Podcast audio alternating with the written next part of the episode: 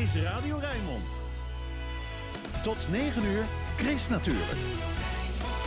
Hier is Chris Veem. Goedemorgen, een boswachter gaat en een boswachter komt. Boswachter Thomas gaat lammetjes knuffelen op Tessel. Boswachter Harm wacht tot de otter naar de biesbos komt. Een jaar gaat en een jaar komt. Het jaar van de os is voorbij, het jaar van de tijger begint. Hoe gaat het met de tijger in het wild en welke plant hoort bij dit jaar van de tijger? Maar hoe hard je ook brult, er is één ding dat nooit weggaat. Je leest erover in, dit gooi ik nooit weg. Je hoort erover in... Chris natuurlijk, met Chris Vemer.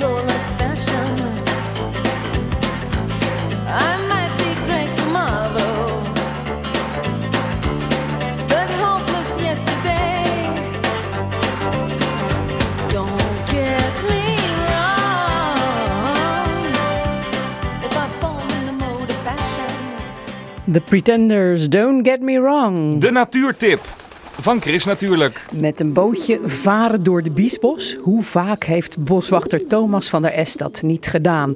Vandaag misschien wel voor de laatste keer met Chris natuurlijk. Want de boswachter Ecologie bij Staatsbosbeheer in de Biesbos verhuist naar Texel om daar boswachter te worden. Boswachter Thomas stelt ons voor aan zijn opvolger in Chris natuurlijk, boswachter Harm Blom. Wie is dat precies? Harm. Nou, Harm is inmiddels ook een eh, fantastische schipper in ieder geval. En eh, ja, dit Want hij vaart ons dus nu. hij vaart ons gelukkig eventjes eh, op de cracks in de Sliedrechtse Biesbos. En eh, ja, hier zijn we als koppel best wel actief. Want eh, we hebben samen de watervogeltellingen gedaan eh, de afgelopen maanden. En eh, voor Harm was dat ook een hele mooie manier om de gebieden goed te kunnen leren kennen. En eh, ja, samen is het ook sowieso eh, fijner en makkelijker hier. Want ja, het stroomt af en toe als een tierenlier. Dus het is wel fijn als je samen eventjes de touwen eh, van de boot af kan krijgen. Harm die vaart nu, die houden we even niet van zijn werk. En wij gaan aan ons afscheidsinterview. Want Thomas, jeetje, hoe lang doe jij dit al, dit werk? Ja, toch al wel 14 jaar. En dat is toch een, voor mij een half mensenleven. Ja, ik kom hier eigenlijk al van kinds af aan. Eh, op deze boot. Wat hoor ik daar? Ik hoor een vogel ergens. Ja, eh. ik denk dat het een boomkruiper was Ja. eh, die zo hoog aan het roepen was. Maar ja, ik denk dat ik twintig jaar geleden al met dezelfde microfoon van Rijnmond hier op deze boot zat. Toen bij Jacques van der Neut aan boord. En eh, jullie oud-collega Koos Postema eh, interviewde toen Jacques. En ik zat achter aan boord eh, ja, tijdens een soort snuffeldaagje bij de boswachter vogels te kijken. En mocht daar mijn eerste quotes afleveren. Wat ik zo, zo fijn en bijzonder vind, is dat de natuur de mooiste inspiratiebron is wat dat betreft. Want ja, hoe vaak we ook met elkaar belden, eigenlijk hadden we altijd wel weer leuke topics. Ook al waren dat soms herhalingen, zoals de natuur nu eenmaal in elkaar zit. Ja, het is toch altijd fijn om het weer te hebben over de eerste keer hoog water in de winter. Of de eerste zwaluw die in het voorjaar opeens weer eh, Nederland bereikt. Ja, dat zijn verhalen die je blijvend kan blijven vertellen. Ja, nu in de natuur. Nou, wat nu boeiend was in ieder geval, was eh, ja, toch de stormvloed van de afgelopen dagen. Eh, ja, ik zat met mijn hoofd ook een klein beetje op Texel, waar ik naartoe ga. Want eh, daar sloegen stukken strand af. En ja, zorgt dit soort weer echt voor veranderende duinen. Maar ook in de Biesbos ja, is die dynamiek denk ik hetgeen wat mij het meeste trekt. Het rivierwater werd opgestuwd door die harde storm. En heel veel polders met een lage kade, ja, die liepen vol met dat wassende Biesboswater. En dat is altijd heel erg boeiend. Trouwens, dit bootje waar we nu op varen, hè, dat heeft een naam van een vogel. Want je noemde het net, krek geloof ik. Ja, het is de Latijnse wetenschappelijke naam van de kwartelkoning, eh, de Crex. En eh, ja, eigenlijk heb ik niet meer meegemaakt dat de kwartelkoningen nog aan het roepen waren in de Sliedrechtse Biesbos. Wat jij wel hebt meegemaakt is bijvoorbeeld dat je hier met eh, Jacques van der Neut, de boswachter die hier ook heel veel gewerkt heeft, dat jij voor het eerst een zeearend zag. Ja, je moet je voorstellen dat dat soort soorten die, die zijn hier gaan broeden. Omdat de biesbos de afgelopen jaren ook veel aantrekkelijker is geworden voor dat soort grote soorten. En zo hebben we inmiddels eh, nestelende zeearenden en visarenden in het gebied. En eh, ja, dat is wat dat betreft eh, in Nederland heel bijzonder. Want ja, visarend broedt nergens anders dan in de biesbos. Waar gaat boswachter Harm ons naartoe brengen? Ja, we gaan eh, eh, wat dieper de biesbos in. Waar we in ieder geval kunnen kijken of de visarendnesten zijn blijven hangen na de harde storm van de afgelopen dagen. Eh, Die visarenden die zijn er nog niet, toch? Die zijn nog lekker ver in Afrika aan het zonnen. Ja, wellicht aan het zonnen, misschien op een strand. Maar over een maand of twee zijn ze toch echt weer terug. En ja, dan is het voor hun ook de vraag, is mijn nest er nog? En hoeveel moet ik daar aan opknappen om daar weer een, een vruchtbaar seizoen van te maken? Zullen we even rondkijken of we ook nog wat eh, zien van nu? Juist, ja, ik zie in ieder geval nog een beverburgt en die ga ik op Texel niet zien. Ik vroeg me trouwens af met dat hoge water van eh, afgelopen week. Hoe zit dat dan met die beverburgten? Burgten verdwijnen dan compleet onder water en bevers moeten dan tijdelijk ja, een dijk opzoeken of kruipen een boom in. En nog andere dieren die het moeilijk hadden afgelopen week? Nou, ik zag net nog wel een hoop reeën lopen op de kades. Maar eh, ja, voor eh, landzoogdieren is extreem, in de winter, eh, extreem weer in de winter wel heftig. En eh, ja, dat levert eh, toch wel slachtoffers op. Zullen we even vragen hoe het gaat met Harm? Ja.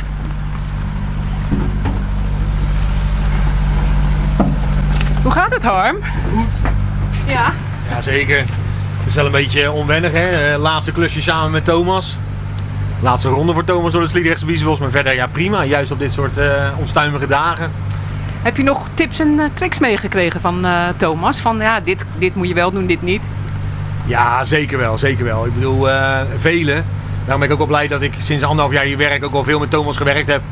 En vooral zijn kennis van wat hier de afgelopen tientallen jaren allemaal gebeurd is. Ja, en vooral ook de leuke dingen. Waar ze in burgt. eh, hoe is de ontwikkeling van de zeearenden en de visarenden. Op wie moet je letten. Met wie moet je vooral koffie drinken. Met wie moet je een beetje in de buurt houden. Dat soort dingen zijn belangrijk en ook heel erg leuk. Ja. En wat heb jij met de biesbos? Ja, vergeleken met zo'n biesbos goeroe als Thomas en Jacques. eh, ja, alles in perspectief, maar best wel veel. Ik hou van rivierdynamiek. Gisteren de, de arendnesten staan te trillen in de bomen. Ja, ik weet niet, het doet er gewoon nog toe. Die, die, die grootschaligheid, die ruigheid, alles wat erbij kon kijken. Ja, dat. En ben je wel eens vast komen te zitten met, met het bootje? Ja, een paar keer. maar ook bewust, moet ik ook wel toegeven. Ja, bewust aangeleerd door Jacques. Een, een keertje met Thomas. Ja, op een gegeven moment ken je wel een beetje de papperheimers qua kreken en qua bochten. Van ja, waar moet je wegblijven? Maar ik moet toegeven, ik word wel eens afgeleid door een vogel of wat. Opeens zit ik toch ergens in een bochtje waar ik niet moest zijn. eh. ja. Heb je wel eens iets gevaarlijks meegemaakt, Thomas, in de biesbos? Nou, toevallig wel in de Sliedrechtse Biesbos, eh, anderhalf jaar geleden. Eh, toen eh, was ik actief op zoek, individueel, omdat ik toch een beetje een primeurtje voor mezelf wilde hebben, denk ik, eh, naar mogelijk een zeearendnest in de Sliedrechtse Biesbos. En toen ging ik met mijn kaplaarzen struinen in die griend hierachter. En die kaplaarzen staan er nog. En ik kwam er gelukkig uit. En dat vond ik toch doodsbenauwd. Want ja, dat slik in de biesbos, daar kan je echt in verdwijnen tot je knieën. En als je dan op een gegeven moment echt vastgezogen zit met je laarzen, ja, dan krijg je ze er nooit meer uit. Dus ik had mijn rugzak afgegooid. En ik ben toen op mijn sokken anderhalve kilometer door die griend gaan lopen. En ja, als ik eraan terugdenk, dan krijg ik weer pijn in mijn voetbedjes. eh. Maar ja, het is wel echt natuur, wilde natuur. Ja, maar goed. nee, ik ben gek op wildernis en wilde natuur. Maar ik was blij dat ik thuis was. Ja, mooi verhaal, mooi verhaal. Ik bedoel, Thomas komt overal, eh, maar echt vieze voeten halen midden in de kreken, ja, dat gebeurt niet al te vaak.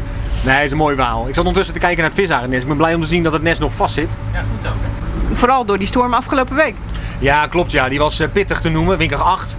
Een ander nest is echt helemaal scheef komen te liggen. En dit eh, nest in de Sliedrechtse Biesbos, ja, het ziet er heel goed uit. Dus daar zijn we wel blij mee. Maar keren ze dan gewoon weer terug naar hun oude nest? Ja, meestal wel. We merken dat eh, de paren, zover ik weet, best trouw zijn qua, sowieso qua, qua man en vrouw, maar ook qua plek. En al hangt een nest er scheef uit of valt een nest er helemaal uit, ja, binnen twee, drie weken gaan ze vaak ook in dezelfde boom, op dezelfde plek, gewoon weer opnieuw stapelen. Maar hoe herken je dat dan, een eh, nest van een visarend? Ja, vooral door de grootheid. Het is gewoon een, een groot zwanennest midden in de boom. Ja, dan hou je maar weinig soorten over die dat eh, bouwen. En in dit geval is dat de visarend. Thomas die heeft eh, de zeearend en de visarend zien komen. En jij, wat hoop jij eh, dat er gaat komen hier? Ja, de otter staat voor de deur. Dat is een hele mooie soort die echt bij dit soort gebieden hoort. Een ringslang is ook zo'n ja, droomsoort wil ik niet noemen, maar wel een soort die hier prima kan leven. Moet alleen nog een snelweg en een rivier passeren. Eh, vast wel eens een keer een zwervende wolf. Maar dat geldt ook voor een soort als de oehoe. De oeh, dat zou je wel horen, denk ik.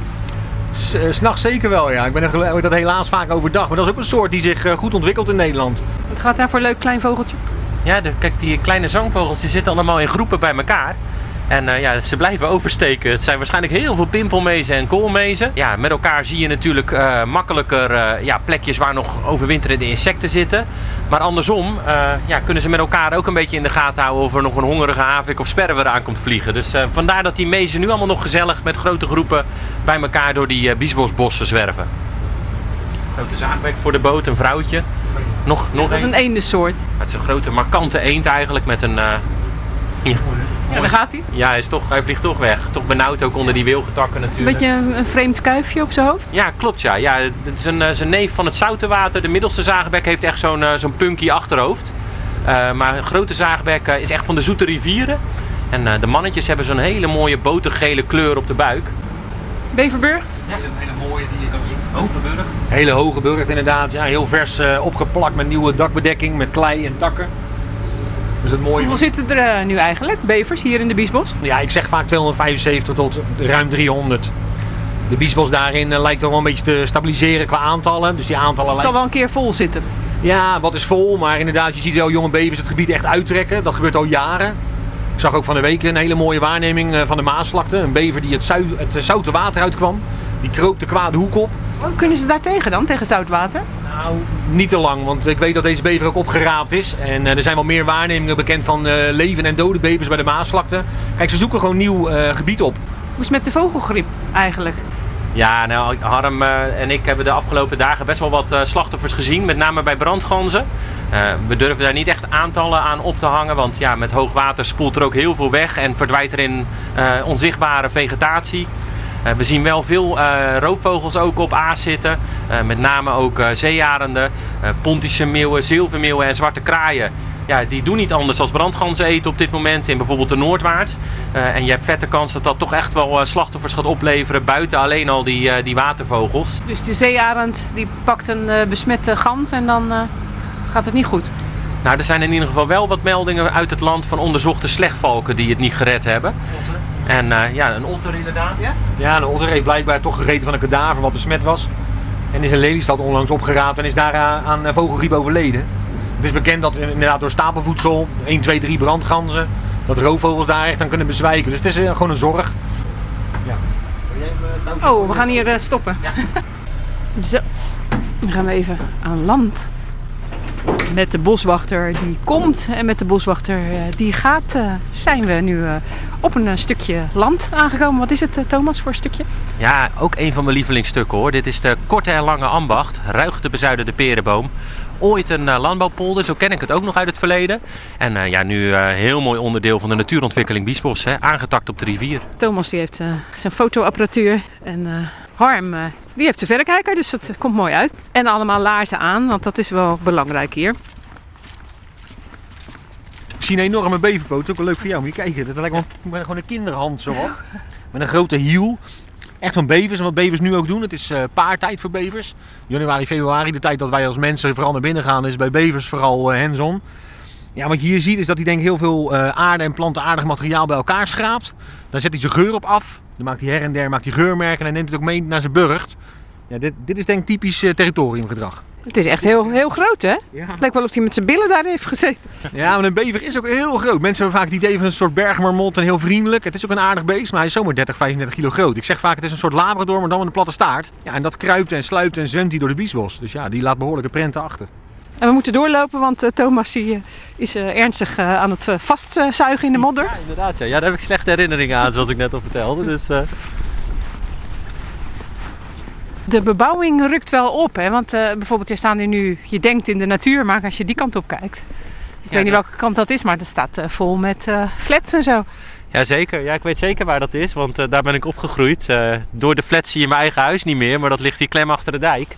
En eh, ja, de Randstad groeit, eh, bijna uit zijn voegen. En wat dat betreft eh, ja, is het in ieder geval fijn dat de afgelopen jaren hier ook veel ruimte voor natuur is gecreëerd. Om ja, zowel natuurlijk de rivieren de ruimte te bieden op het moment dat het er toe, toe doet met hoge afvoeren en storm. Maar ook inderdaad ja, dat mensen ook die buitenruimte kunnen opzoeken. Ja. En voor jou misschien nog wel fijn dat je naar een rustiger streek gaat. Ja, dat is een bizar contrast natuurlijk. Hè. Tuurlijk eh, kan het druk zijn eh, in de zomer op het eiland. Ja, ook een, eh, een andere hectiek en een ander stresslevel. Stress heb je misschien nu wel met verhuizing, of niet? Ja, verhuisstress is de ergste stress die er bestaat volgens mij. Zeker nu, want ja, je rijdt niet even heen en weer. Alles moet echt mee. Het is emigreren in eigen land. Wat ga jij hier missen? Nesten van visarenden, bevers. eh, ja, sowieso de Biesbos. Het is een onvervangbaar gebied hoor, denk ik wat dat betreft wel. Ja, en op Texel dan? Lammetjes knuffelen. Ja, gelukkig meer dan dat hoor. Eh, het is wel heerlijk dat die lammetjes daar eh, rondom ons huis van zich zullen laten horen. Maar Texel is een soort Nederland in het klein. Hè? Je gaat echt van de kwelder naar de bossen, van droge grijze duinen naar enorme stuivende duinen. Daar broeden zeldzame vogels als de strandplevier, de dwergsterren. Ja, ik word er alweer helemaal enthousiast van. Ik heb zin om te gaan. Nou, wij wensen boswachter Thomas en zijn gezin het allerbeste op Texel. En over de Biesbos blijf je heel veel horen in Chris natuurlijk. Vanaf nu, vanaf van eh, boswachter Harm Blom. Steeds vaker valt het mij op dat ik als kind best veel gevoel heb opgekropt. En dat dezelfde problemen die ik niet heb van een vreemde nog elke dag spelen, ze zijn beslist niet opgelost. Het kon bij ons ook nooit eens normaal gaan. Maar ach, wat is normaal? Want hoe ouder ik word, hoe beter ik begrijp dat mijn ouders geen helden zijn, maar lijken op mij. Ze doen net alsof ze bedoelen het goed, maar waar de tijd niets aan verandert. Al word ik ooit volwassen, is wat er zit in mijn bloed. Oh, oh, oh,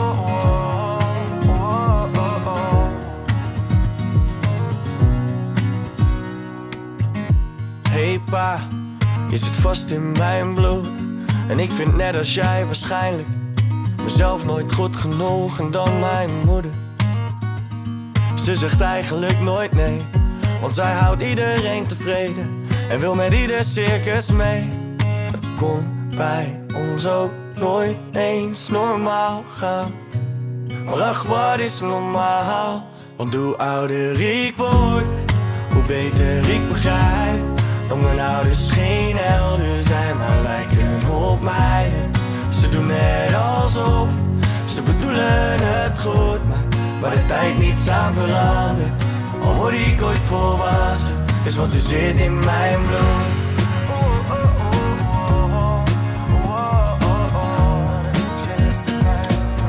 Omdat het zit in mijn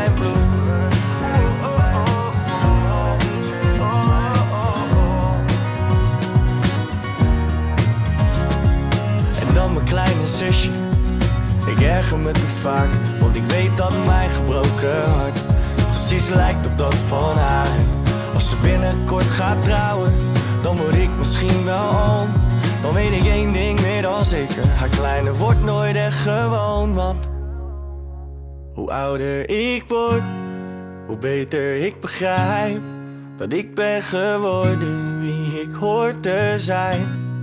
Ik doe net alsof en ik bedoel het zo goed, maar waar de tijd niets aan verandert, is wat er zit in mijn bloed. Jelle, nee, snelle met in mijn bloed. Chris natuurlijk. Lekker groen. Volgens de Chinese kalender is het jaar van de tijger begonnen. Hoe gaat het in dit jaar van de tijger met tijgers in het wild? En wat is de tijger eigenlijk voor beest? Dat vraagt Chris natuurlijk aan Jos Hartog, hoofd Azië van Diergaarde Blijdorp. En bij het tijgerverblijf van de dierentuin in Rotterdam staan ze oog in oog met één van de tijgers. Dat is eh, onze tijgerin, dat is Alia. Ze houdt je enorm in de gaten. Oortjes een beetje in de nek. Ja, ze heeft, eh, ze, hou- ze heeft ons altijd snel in de gaten als we hier door de publieksgang lopen. Ja, niet dat we nou een persoonlijke band met de dieren hebben, maar ze herkennen onze kleding natuurlijk. En die associëren ze dan ook vaak met voeding. Dus dat is de link die ze heeft. Ze weten ons altijd wel feilloos tussen, het, eh, tussen de bezoekers eh, uit te halen, ja, dat klopt. Ja, maar waarom dan die oortjes in de nek? Ze lijkt zich een beetje verdekt zo op te stellen, zo van je ziet mij niet en dan de oren maar in de nek. Het is natuurlijk ook wel een beetje een tactiek met het eh, vangen van een prooi. Alles wat uitsteekt eh, bij je hoofd, dat moet natuurlijk platgelegd worden, zodat de prooi eh, je niet ziet aankomen. Dus het is een beetje, het is een beetje verstoppertje aan het spelen nu. Ja, en daar komt de ander aanlopen. Ja, dat is, dat is onze, onze mannetjestijger, dat is Emas. Je Maar dat kan je toch gelijk zien op de een of andere manier, hè, dat dit dan een, een man is. Ja, je ziet bij, bij deze soort tijgers zie je het heel snel. De tijgerman is een stuk groter dan de vrouw. Dus je haalt dat er eigenlijk eh, feilloos uit. En vooral als ze van je weglopen, dan zie je, zie je een paar ballen zitten onder de staart. Dus dat is ook niet, eh, niet te missen. Maar hoe zou je dan de eigenschappen van deze dieren omschrijven? Want ja, dit is het jaar van de tijger in de Chinese dierenriem. Wat voor eigenschappen geef jij aan de tijger? Nou, ik denk dat je de eigenschappen van de tijger die heel erg kunt vergelijken met je huiskat. Het zijn eh, dieren die eh, heel relaxed zijn. Het zijn natuurlijk vleeseters, dus ze hebben overdag heel erg veel tijd nodig om te ontspannen. Om dat vlees te kunnen verwerken in hun lichaam, om dat te kunnen verteren. Eh, dus eh, ze hangen lekker rond, zoeken een warm plekje op. En af en toe spelen ze wat. Ja, het is eigenlijk een vergrote huiskat. Zo, zo kun je ze het best wel vergelijken qua karaktereigenschappen. Ja, en ik kan eigenlijk helemaal niet zeggen hoe gaat het met de tijger. Want ja, er zijn allemaal ondersoorten. Ja, er zijn eh, in totaal zes ondersoorten van de tijger. Eh, wij hebben hier in Blijdorp hebben we de Sumatraanse tijger. Dus een van de meest bedreigde soorten van die zes. Er zijn er ongeveer nu nog van in de natuur een kleine 400, 500. Ja, dat is heel weinig. Hoeveel tijgers van alle soorten zijn er op de wereld? Want dat kan je zelfs al eh, makkelijk zeggen. Ja, dat zijn er ongeveer 4000. Nou, 4000, dat hebben wij hier op een rustige dag in Diergaarde Blijdorp. Dus om die vergelijking maar te trekken, is het wel een schrikbarend laag aantal. Ja. Hoe komt dat? Ja, dat heeft verschillende redenen. Eh, voor de Sumatraanse tijger is het met name eh, het leefgebied, wat heel kwetsbaar is. Helaas denken veel mensen dat er ook eh, medicijnen gewonnen kunnen worden uit resten van botten of uit organen van tijgers. Dus er is heel veel bijgeloof over de, ja, de werking van, van dat soort onderdelen van een tijgerlichaam. Eh, zo zou bijvoorbeeld de botten heel goed kunnen helpen tegen het verhelpen van reuma bijvoorbeeld. Nou, die mensen geloven daarin, dus die jagen ook op de tijger. Een andere oorzaak is eh, het leefgebied, wat ik net al aangaf, dat, eh, dat wordt steeds kleiner. We zijn als mensen eh, flink bezig met de ontbossing, palmplantages die, palmolieplantages die gebouwd worden. Dus het leefgebied wordt steeds schaarser en, en dus ook het aantal tijgers wat, wat, kan, wat kan leven daar. En doordat het leefgebied schaarser wordt, zijn er ook steeds meer mens-dierconflicten. Dus tijgers komen ook in leefgebieden van de mens. Nou, de mens wil dat niet, schiet vervolgens de tijger dood. Ja, en dat is wat er nu aan de hand is. Helaas. Ja, er zijn ook wel iets positieve geluiden. Bijvoorbeeld in India, eh, de Begaalse ondersoort, de Begaalse tijger, die gaat weer iets beter. Eh, maar daar zie je ook wel dat eh, de, de, de overheid in India echt een, eh, een goed plan heeft om die tijger ook te beschermen in de natuur. De bevolking wordt daar echt bij betrokken en mensen zijn ook trots op hun tijger. En dat is ook precies wat je moet doen. Als je de tijger beschermt, levert ecotourisme op. Ecotourisme levert weer geld op. En dat is alleen maar goed voor de economie daar. En ze zijn bedreigd. Wat kunnen wij daar nog aan doen als mensen om te zorgen dat ze niet uitsterven? Nou, we zouden kunnen beginnen met onze producten in de supermarkt beter te gaan kiezen. Producten met minder palmolie palmolie of helemaal geen palmolie zou een eerste bijdrage kunnen zijn. Dat zit in best wel veel dingen, toch? Nou, wat voornamelijk veel in zit, is bijvoorbeeld in boter. Het zit heel erg veel in eh, pindakaas, chocoladepasta. Alles om dingen smeuig te maken, daar zit palmolie in. Nou, voor zijn er prima alternatieven. Voor pindakaas zijn er goede alternatieven. Ook eh, om de hoek eh, bij een niet nader te noemen eh, supermarktketen. Overal is het verkrijgbaar. Daar mensen, zouden mensen echt bewuster van mogen zijn in wat koop ik en waar komt het vandaan, het product. Dus dat kunnen we zelf doen, nog meer dingen? Nou ja, vooral veel naar Blijdorp komen. Door je komst naar Blijdorp steun je indirect de tijger hier in de dierentuin. Ik zoek weer even in het verblijf waar de tijgers van Diergaarde Blijdorp zijn. Er zit er eentje in het water. Ik heb gehoord dat ze heel goed kunnen zwemmen. Ja, tijgers zijn extreem goede zwemmers. Ja. Ze kunnen echt wel flinke rivieren eh, doorkruisen. Ja, als het hier warm is, ook hier in Blijdorp bijvoorbeeld, vinden ze het heerlijk om even de verkoeling van het water op te zoeken. Maar wat een prachtig gezicht. Hè? Ze worden wel de koning van de jungle genoemd. Snap jij waarom? Ja, absoluut. Ja, schitterende dieren. Ja. ja, een beetje majestueus als je ze voorbij ziet lopen. Ja, prachtig. Geen vacht is hetzelfde. Ja, klopt. Als je, ja, inderdaad. Nee, de strepen zijn, eh, zijn eh, bij geen enkele tijger hetzelfde. Nee, eh, ze hebben allemaal een unieke jas. Ja. En waarom hebben ze dat eigenlijk eh, allemaal, eh, die strepen, tijgers? Is dat nog een reden? Ja, het is jammer dat je de afbeelding achter, dat mensen dat niet kunnen zien. Maar eh, daar zie je een silhouet van een tijger in het, eh, in het woud, of in, het, in de jungle. En je ziet eigenlijk dat die strepen van die tijger eh, breken met het zonlicht van de, van de jungle. En daardoor eigenlijk het net lijkt alsof ze er niet zijn. Hoe gaat het met de, met de dieren hier in Diergaarde Blijdorp, met deze tijgers? Ja, met deze tijgers gaat het heel erg goed. Dit is een stel wat graag bij elkaar is. Dat is vrij bijzonder, want tijgers zijn over het algemeen solitair. Nou moet ik wel heel eerlijk zeggen dat eh, Alia de vrouw het leuker vindt om bij Emas te zijn dan Emas bij Alia. En Alia is al wat oudere poes, is 16, maar ze vindt eh Emas gewoon eh, super aantrekkelijk. En hij is eh 12 jaar oud. Maar hij heeft zoiets van, joh, als je er niet bent vind ik het goed. En ja, als je er ook bent dan accepteer ik dat wel. Maar normaal, dat is niet normaal. In de, in de natuur zijn, zijn het echt solitaire dieren. En ik heb ook wel eens eh, gehoord dat geluiden maken die heel ver gaan. Die ze van heel ver kunnen horen. Ja, ja op kilometers afstand kunnen ze geluiden maken. Eh, hier horen we dat vaak ook wel s ochtends, dat het mannetje zo'n eh, zo'n eh, ja, soort lokalisering doet. Doe eens na. Nee, daar, daar waag ik me niet aan. daar waag ik me niet aan. Nee, nee, nee. Ja, maar is het grommen of brullen? Wat is het? Het is bijna een soort, een, bijna een soort roep. En dan wauw, wauw, heb ik me er toch aan gewaagd. Het, het, het dringt heel ver door. Eh, en dat is een soort ja, het lokaliseren. Dus eigenlijk in de natuur doen ze dat mee van... hey, dit is mijn gebied, move. Daar komt het een beetje op neer. Eh, en hoe het met hun gaat verder goed. Eh, helaas hebben wij geen fokaanbeveling voor deze soort. Dat betekent dat we niet de aanbeveling hebben gekregen... om met deze combinatie te mogen fokken. Jammer voor de dierentuin, want ja, een heleboel mensen vinden het natuurlijk leuk als er zo'n kleintje hier rondloopt. Ja, dat klopt. Dat kan ik me ook helemaal voorstellen. Kleine dieren doen het natuurlijk altijd goed. Maar als we dat zouden doen, dan zouden we heel veel dieren eh, eh, fokken. En dat is onze intentie helemaal niet. Eh, wij willen graag de dieren laten zien en bouwen aan een gezonde populatie die ook voor de toekomst bestendig is. zodat ook onze generaties daarna nog tijgers kunnen zien. Je kunt je natuurlijk afvragen, hè, want we zeiden het al, van tijgers hebben weinig leefruimte, terwijl ze dat juist zoveel nodig hebben. Ja, hier hebben ze ook niet echt heel veel leefruimte, tenminste niet zoals ze in de natuur zouden hebben. Nee, dat klopt. De, ruimte hier is beperkt. We doen er natuurlijk alles wel aan om het zo natuur, natuurlijk mogelijk te houden. We doen heel veel onderzoek naar eh, de tijgers, naar het stereotype gedrag van tijgers. Nou, daar kwam eh, gelukkig uit dat deze dieren eh, vrij weinig stereotype gedragingen vertonen. Behalve bij voedermomenten, en dan worden ze heel enthousiast. Dus we doen er echt onderzoek naar. We zijn, proberen ook echt zelf te kijken van hoe kunnen wij onze huisvesting nog verbeteren. Ja, misschien over tien jaar staat hier wel een heel ander tijgerverblijf. Op die bevindingen die we dan nu doen. 2022, het jaar van de tijger. Dat zou ook leuk zijn als het eh, het jaar van de tijger in het wild was. Hè?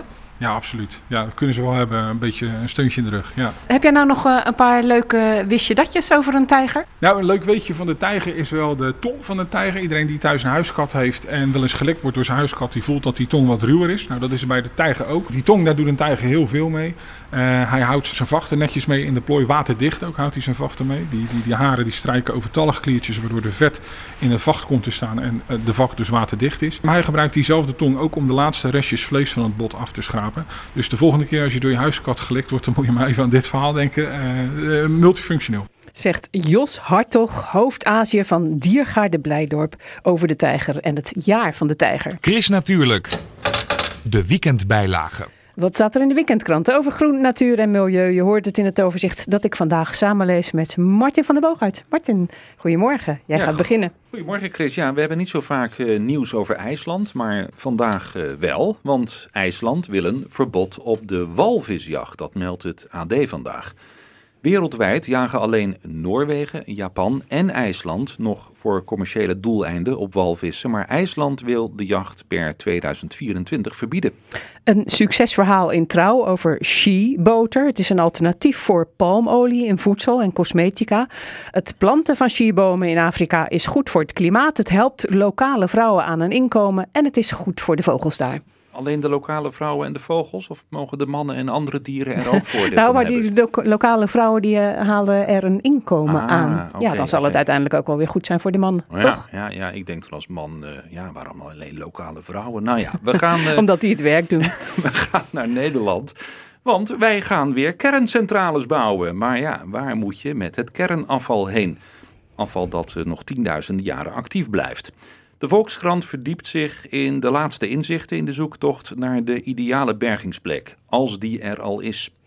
In NRC een reportage over coniocarpen. Dat zijn schimmels die op dode bomen groeien. Als je weet waar je op moet letten, dan kun je ze met het blote oog zien. Ze zijn prachtig, teer en het gaat goed.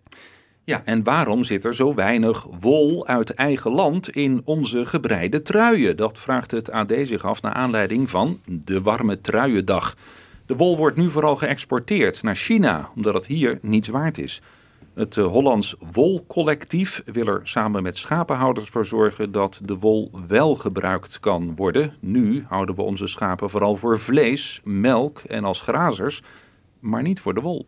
Martin van der Boogaard was dat met het groene nieuws uit de weekendkranten. Gaan we door met het weerbericht van Ed Aldus. Ed, eh, nou, hebben we een warme trui nodig vandaag? Eh, ja, eh, dat weet ik eigenlijk niet, Chris. Want je ziet tegenwoordig eh, veel jongelui de hele winter door met een t-shirt lopen. En dat komt natuurlijk ook wel door de klimaatverandering wellicht. Hè? Omdat we gewoon zachtere winters hebben. En ja, de een die houdt dan van een dikke trui nog. ja, bij een temperatuur van eh, 8 graden. En ja, een ander die, die zegt van nou dat hoeft van mij helemaal niet. In ieder geval, wat, als een paal boven water staat dat we te maken hebben vandaag met een heel aardige dag. Dankzij een zwakke rug van hoge druk. En die is bepalend voor het weer voor vandaag. Dus profiteer daar echt van. Want morgen ziet het totaal anders uit. Eh, de, de zon schijnt vanochtend. Het blijft overal droog. In de loop van de middag neemt de bewolking toe vanuit het noordwesten. Het raakt ook bewolkt uiteindelijk. En pas vanavond gaat het dan regenen. De temperatuur komt uit op ongeveer een graad of 8 vanmiddag. En de zuidwestenwind, ja, die waait, of de westenwind waait nu matig, aan zee vrij krachtig, windkracht 5. Maar de wind gaat om naar het zuidwesten en dan gaat die toenemen. Dan wordt die boven land matig windkracht 4, aan zee krachtig windkracht 6. En eind van de dag neemt de wind overal toe. Dan wordt die langs de kust zelfs hard windkracht 7. Ja, voor vanavond en vannacht ziet het er niet best uit. Dan gaat het overal regenen. De temperatuur daalt nauwelijks.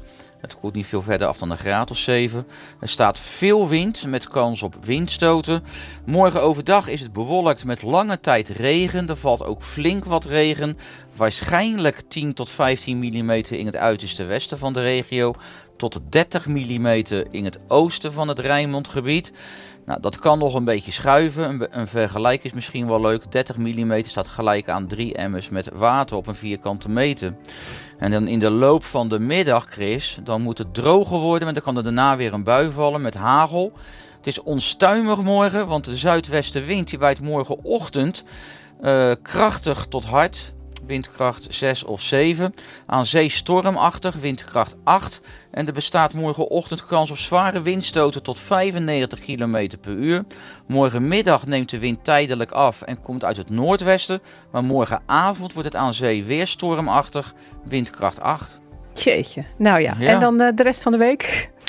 Nou ja, dat is makkelijker te vertellen, want op maandag, dinsdag en woensdag is het relatief rustig weer. Maandag geregeld zon, misschien een laatste lichte regenbui, maar vaak droog. Dinsdag en woensdag ook droge dagen met veel bewolking en soms wat zon. Het wordt een heel stuk zachter, maandag nog niet, een graad of 8.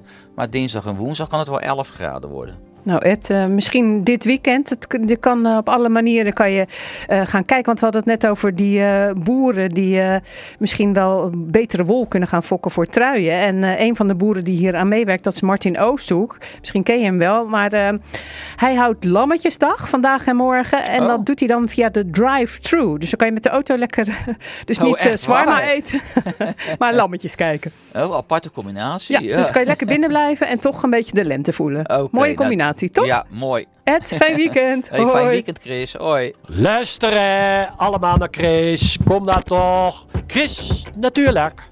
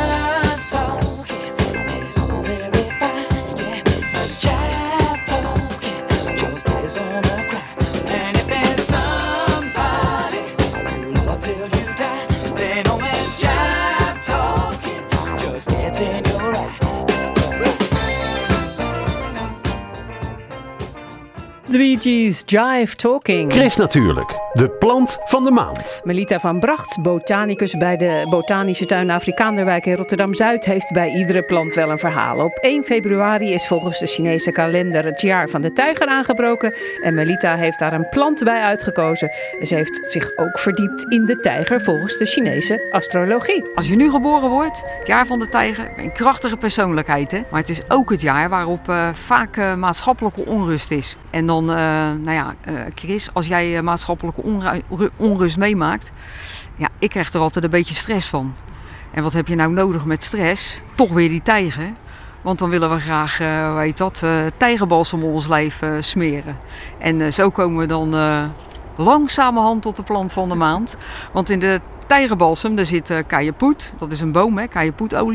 Dat is ook een beetje, beetje warm. Er zit kamfer in. Nou ja, dat kennen we ook allemaal, hè, kamfer. Dat, eh, dat is ook erg eh, sterk ruikend. Er zit ook, ook munt in. En daar gaan we het zo meteen dan maar bij die planten eens even kijken. Maar voordat we daar komen wil ik wel een heel mooi verhaal vertellen over mijn oma Gerrit. Ik zat samen met hem op karate. Toen was hij wel, liep hij richting de 50 zullen we maar zeggen. En als je dan nog flinke raten doet, dan kan je spierpijn krijgen, jongen. Dat wil je niet weten. En dat had mijn oom ook. Dus mijn oma Gerrit die dacht, ik ga hem eens insmeren met tijgerbalsem. Hij had een hengelsportzaak aan de Schiedamse weg. Het Baarsje heette dat. Misschien eh, kennen oude Rotterdammers kennen dat nog wel. En vroeger werden daar vissen verkocht. Levende vissen als je ging snoeken in de winter. En dat is in een bak, een hele grote bak met erg koud water erin. Dus wij stonden op dat moment dat hij zich had ingesmeerd met die tijgerbalsem, stond hij in die zaak. En mijn oom werd steeds rooier en rooier, terwijl hij met een klant aan het praten was. En ineens zei hij, sorry mevrouw, ik hou het niet meer. En mijn oom die vloog echt over de toonbank heen. Naar beneden de kelder in, waar die bak met die vissen stond. En die plonste zo met alles aan, net als de ijsman zo. Zat hij erin, omdat hij het niet meer kon houden van die tijgerbalsem aan zijn lijf. Dus ik zou zeggen, mensen, doe dat niet als je het gebruikt. Dan kan je ook witte balsem gebruiken, want dat is een eh, witte kleur. Daar zit minder eh, kruidnagel in. En kennelijk heeft, is dat van invloed. Maar als je nou echt iets eh, anders wil gebruiken, dan kan je natuurlijk beter, wat ik al zei, in het begin de munt ervan gebruiken. En de muntplant, die hebben we hier in de tuin staan. Zullen we daar eens naartoe? Ja, leuk. De munt, daar heb je toch echt heel veel soorten van? Daar heb je inderdaad veel soorten van. En eh, de werkzame stof die ook gaat in die tijgerbalsem. Dat is, eh, en die je dus ook kan gebruiken om je huid in te smeren. hè, Want het wordt het eerst eh, wordt het koud en daarna een beetje warm. Dat is van de Menta piperita heet dat ding. En daar kan je ook muntolie van maken. Nou, dat is super eenvoudig. Want wat je doet is je plukt munt, genoeg, zullen we maar zeggen. Wat je dan doet is eh, je zorgt dat je kokend water hebt. Dan balanceer je het. Dus eh blancheren dat is eh, nou ja, heel een paar seconden even erin. Je haalt het eruit, gooit het gelijk in een bak met ijs. Dan... Beetje net weer als je oom. ja, een beetje als mijn oom. En dan gaan we dat, hoe heet dat, als we dat gedaan hebben, dan halen we het eruit. Dan schudden we het heel goed uit en dan deppen we het helemaal met, want je- wat je niet wil, is dat er nog water aan, aan, eh, aan blijft hangen. Want je wil het natuurlijk in, eh, in olie oplossen. Dan neem je arachideolie. De munt, die gooi je in die arachideolie. Dan ga je met een, eh, een staafmixer ga je erin. Dat pureer je helemaal aan barrels, helemaal fijn. En dan pak je een, een koffiefilter. Daar doe je de olie doorheen. Dan blijft alles blijft, blijft, achter in dat koffiefilter. En ik zou zeggen, klaar is Melita. Maar goed, laten we het nog eventjes over de munt zelf hebben. Want de munt is een vaste plant en een enorme woekeraar als je niet uitkijkt. Als je hem in je tuin eh, hebt, ja, dan moet je echt constant oppassen. Want het grappige is, want die Menta piperita, dat is ook eentje die kan zichzelf eh, niet vermeerderen. Alleen maar door dat woekeren wat hij doet. Dus hij legt iedere keer legt hij een takje op de grond. Daar komen weer nieuwe wortels aan en zo kruipt hij als het ware met wortelstokken door je, door je tuin heen. Hij heet Menta maal eh, piperita, dus het is eh, een, een kruising van, eh, van twee soorten. En dan zijn ze onvruchtbaar, dus dan komen er ook geen zaden meer aan. Nou, en dan hoop ik dat het allemaal meevalt in het jaar van de tijger. Ik wens jou gewoon een heel mooi jaar van de tijger. Ja, precies. En iedereen trouwens. Hè. En als je munt in je tuin hebt staan, weet dan, je kan altijd stekjes weggeven aan Jan en Alleman, toch? Er is vandaag ook iets anders nog hier op het plein. Ja, dat klopt. Op het Afrikanenplein. Daar hebben we namelijk het Rotterdamse bomencircus. En hoe leuk is dat? En voor mensen die het niet weten, want jullie zijn natuurlijk vanochtend allemaal vroeg opgestaan. Speciaal voor Chris. Dus jullie kunnen vanmiddag om 12 uur op het eh Afrikanenplein. En dan hebben we het, eh, het, eh, een, een circus. eh, het, is echt, het is echt een circus. Want er is eh, gewoon eh, muziek. Er zijn ook eh jongleurs. Er is acrobatiek. Maar wat het extra leuk maakt voor jullie groenliefhebbers. Je kan er gratis boompjes afhalen. En eh, dat heeft te maken met Cool Down the City. Dus het zijn allemaal kleine boompjes. En eh, je kan ze in de buurt zetten, in je buurtuin, je binnentuin, maar ook eh, gewoon bij jezelf in de, in de tuin. Nou ja, wij hebben ook een paar bomen verzameld. Doordat we hier een vrijwilliger hebben lopen, die, eh, die heeft het van zijn eigen landje afgehaald. Uit mijn ooghoek zie ik een taxen staan. Ik zie een lijstenbes en wat essen. Dus die sowieso. Nou, en die boompjes kun je dus gratis afhalen bij het Bomencircus vanaf 12 uur vanmiddag op het Afrikaanderplein in Rotterdam-Zuid. So at my show on Monday, I was hoping someday you'd be on your way to better things. It's not about your makeup or how you try to shape up to these tiresome paper dreams. Paper dreams, honey. So now you pour your heart out, you're telling me you're far out. Not about to lie down for your cause. But you don't pull my strings, cause I'm a better man. Better things. But oh, I love her because she moves in her own way. But oh, she came to my about my. And at a show on Tuesday, she was in her mindset. Tempered furs and spangled boots. Looks are deceiving, make me believe it. And these tiresome paper dreams. Paper dreams, honey.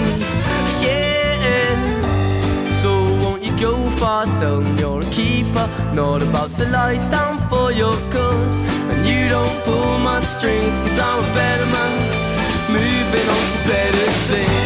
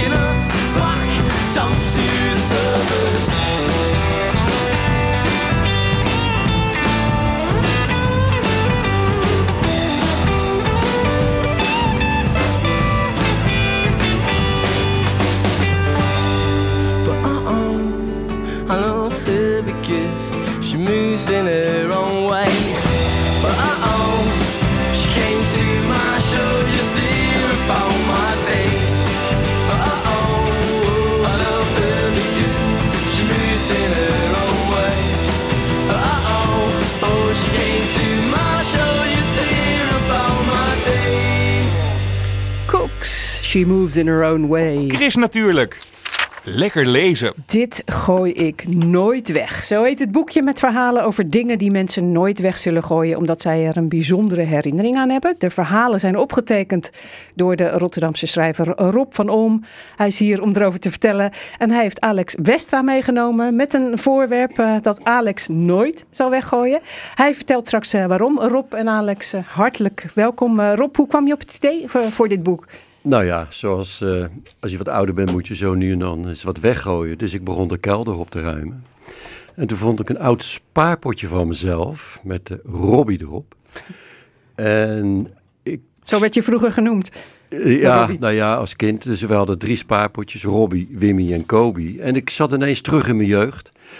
En eh, dus ja, dat gooi je uit, uiteraard niet weg. Het was ook het gevoel wat ik herkende, wat je alleen eigenlijk maar als kind kan hebben, dat ik zo ontzettend trots was op een spaarpotje met mijn naam erop, Robbie. Ik dacht, nou, dat is, vond ik wel zo bijzonder.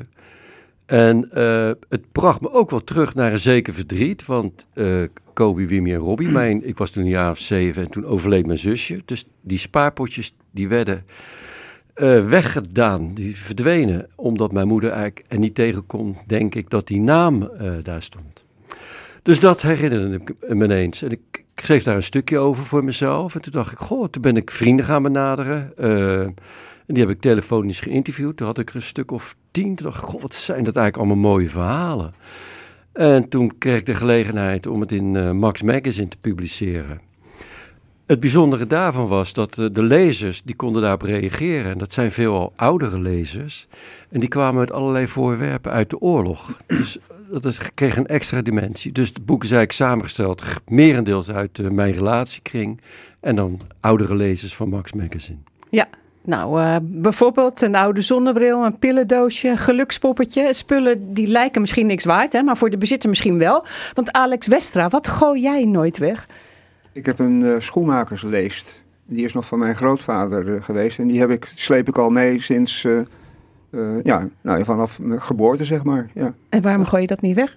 Eh, daar heb ik hele, hele goede herinneringen aan. Die, dat doet me denken aan mijn jeugd. En dat doet me denken aan mijn grootvader. En eh, nou, de, die jeugd is niet heel erg makkelijk geweest. Maar mijn grootvader was altijd wel een, een baken. was een hele lieve man. En ja, die, die, die bemoeide zich veel met mij. Ik ging veel met, hem- met hem mee. En, Want je eh, woonde bij je grootouders ik woonde bij mijn grootouders in met mijn moeder. En dat was, ja, moet je je voorstellen, vlak na de oorlog. En eh, dat was dus niet echt een feest. En dat is het ook niet echt geweest. Eh, al die, ik heb er twaalf jaar hebben we daar gewoond en dat was wel best wel zwaar soms. Maar toch, ondanks alles, heb ik daar, daar wel goede herinneringen aan. Ik heb ook daar, het doet me ook denken aan de toch wel, nou, armoe eigenlijk die, die er was. Mijn opa was tuinman, maar dat was geen hovenier, tuinman. Hij had wat, eh, wat tuinen die die, eh, die die verzorgde. En daar verdiende hij heel weinig mee. Die mensen die betaalden. Hij was veel te goed eigenlijk voor deze wereld, denk ik wel eens. Hij was trouwens ook eh, zwaar gelovig. Hij geloofde in, in de uitverkiezing. Maar En zo lief was hij. Ik kreeg toch wel geld van hem om naar de bioscoop te gaan. En daarom is hij waarschijnlijk ook nooit uitverkoren, want dat mag natuurlijk niet. Maar die, die schoenenleest, ik bedoel, je vader was dan tuinman. Wat moet hij dan met een En mijn schoenenleest? grootvader. Nou, Ja, eh, die, dat, ja. die armoede die symbo- symboliseert dat eigenlijk wel. Want hij eh, lapte zijn eigen schoenen en die van, zijn, van mijn oma dan.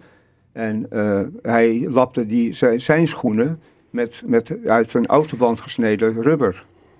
Want er was geen geld voor om, om daar weer mooie zolen onder te doen. Dan was hij als tuinman was dat ook waarschijnlijk nog niet zo heel erg slecht om die schoenen op die manier te doen. Maar het symboliseert wel hoe, eh, ja, hoe, eh, hoe, Hoe weinig het er was. was. Ja, Ja. en je moeder die was er vaak niet. En, en pas op latere leeftijd heeft zij jou verteld waarom ze er niet zo vaak was. Ehm, nou, ze heeft, ja, waarom, ja dat, dat is een, eh, een traumatische ervaring van na de oorlog eigenlijk, vlak na de oorlog. Zij is, ze was toen, ze was in t- 1942 heeft zij een, eh, is een tijdje, heeft ze een, is ze verliefd geweest op een Duitse soldaat. En die Duitse soldaat die is ook vrij snel daarna moest hij eh, naar het Oostfront en is ook nooit meer teruggekomen. En alles bij elkaar, ze was toen 15 of 16 jaar. Alles bij elkaar heeft dat geloof ik vier of vijf maanden geduurd. En toen was de oorlog afgelopen en toen werd ze, werd ze kaal geschoren. Omdat ze dus eh, met een Ja, Duitser was gegaan. Als een, en een kind was ze eigenlijk nog. Nee, want die was er toen nog niet hoor. Nee, zij was eigenlijk Zij was een, 16. een, een kind nog. Ja. En dan, ze werd kaal geschoren Ja. omdat ze gewoon verliefd was eh, geworden. Ja, Ja, ja. Een kal, ik noem het in, eh, in, dat, in dat boekje van Rob een kalverliefde. Dat ze voor een, om een kalverliefde dat, eh, dat heeft Ja. door moeten maken. Ja, en dat En- is een traumatische verha- eh, ja, gebeurtenis voor haar geweest. Ja. En voor jou dan eigenlijk ook. Maar door je opa en je oma ben je, ben Ja, je toch eh, nou, goed terechtgekomen, zou je kunnen zeggen. Misschien. Ja, ja, dat zeker wel. En, eh, maar ik denk zeker wel door hem ook, ja. En, want eh, ik heb daar in zoverre ook wel last van gehad. Want dat, toen ik jong was. Want als, er waren kinderen die, die niet met mij mochten spelen. Die werden in de, in de, naar binnen geroepen als, als ik erbij was. Ja. En dat, dat begreep ik helemaal niet. Want ik heb pas op mijn vijftigste heb ik dat verhaal van mijn moeder gehoord. Niet eerder. Ja. Ja. Tragisch. Ja. Tragisch verhaal. Maar voor jou is dus die schoenenleest is, is heel belangrijk. Zal je nooit weg. Waar, waar laat je die eigenlijk, zo'n schoenenleest? Die Vraag me ineens staat af. pontificaal bij mij in de kamer. Ja. En al, overal waar ik heb gewoond, en ik heb eh, op heel veel adressen gewoond. En overal staat dat ding, eh, heeft er gestaan. Maar het is ook een mooi voorwerp. Hè? Het, is, het is- het is een heel gestileerd voorwerp. En ik ken Alex al eh, heel lang. En dat voorwerp heb ik ook al aan al zijn huizen zien staan. Maar het bijzondere was dat ik er nu pas achter kwam wat, eh, wat het wat de verhaal betekenis was. Ja. Ja. Ja. er staan ontzettend veel mooie verhalen in. Jij zei zelf ook al van eh, vaak eh, uit de oorlog. Maar er is ook een, een bijzondere. Dat is eigenlijk geen verhaal, maar dat is een gedicht. En dat kan ook bijna niet anders. Want het is een dichter die het heeft geschreven. Riem vroeg in de wei. Wat gooit deze Rotterdamse dichter nooit weg? Nou, eh, de Bijbel, eh, waarmee die is opgegroeid. Ik zou zeggen dat hij hem wel zou weggooien. Maar... Ja, nee, maar het, het, eh, Arthur van Amerongen, de columnist, de vroege columnist van Volkskrant, heeft ook een Bijbel, is ook niet gelovig. Maar heeft toch een bepaalde betekenis gehad in zijn, in Leven, ja. Je wordt er toch door leven. Dus op de een of andere manier. Ja. En zou je dat gedicht willen voordragen? Nou ja, zeker. Nou ja, ik ik wil even zeggen, het zijn natuurlijk allemaal interviews. Maar Rien die had er een gedicht over gemaakt. En dat vond ik zo bijzonder eigenlijk. Dus ik heb gevraagd of ik dat eh, eh, mocht opnemen. Dus ik heb op die manier ook wat verdiend aan Rien, zou ik maar zeggen. Nou is het niet eh, eenvoudig om iemand anders een gedicht voor te lezen. Maar ik zal het proberen. Het heet Het Boek. Toen ik nog geen boeken had, hadden wij één boek. Het Boek der Boeken heette dat. Het was geen pocketboek. Het was een heel dik boek dat in een zwarte omslag als een baksteen op de hoek van de schoorsteenmantel lag. Het bindwerk was versleten, de rug was van leesgenot gekromd, de bladen vet van het vette eten. Het lag daar als een dam, hoe hoog de kachel ook stond, het vatte nooit eens vlam. Ja, en dat was het eh, gedicht van Rien eh, Vroeg in de Wei. Het komt uit Dit gooi ik nooit eh, weg. Een boek van Rob van Olm. En de foto's van de persoonlijke voorwerpen zijn gemaakt door Ton Mosheuvel. Het boek is uitgegeven door Ezo Wolf. Het kost in de winkel 18,95 euro. En ja, Er is één luisteraar die het boek kan winnen. 010 436 4436. Dan maak je kans. Rob van Olm en Alex Westra, dank dat jullie hier uh, waren. Daarmee zijn we aan het einde gekomen van Chris Natuurlijk. Chris Natuurlijk is een programma van Chris Vemer, Martin van der Boogaard, Danielle Koren en Rob van der Meer. Die werkten mee. Volgende week zaterdag in Chris Natuurlijk Darwin in de stad. En straks Johan Derksen op je radio drie uur lang met muziek voor volwassenen. Fijn weekend en graag tot volgende week.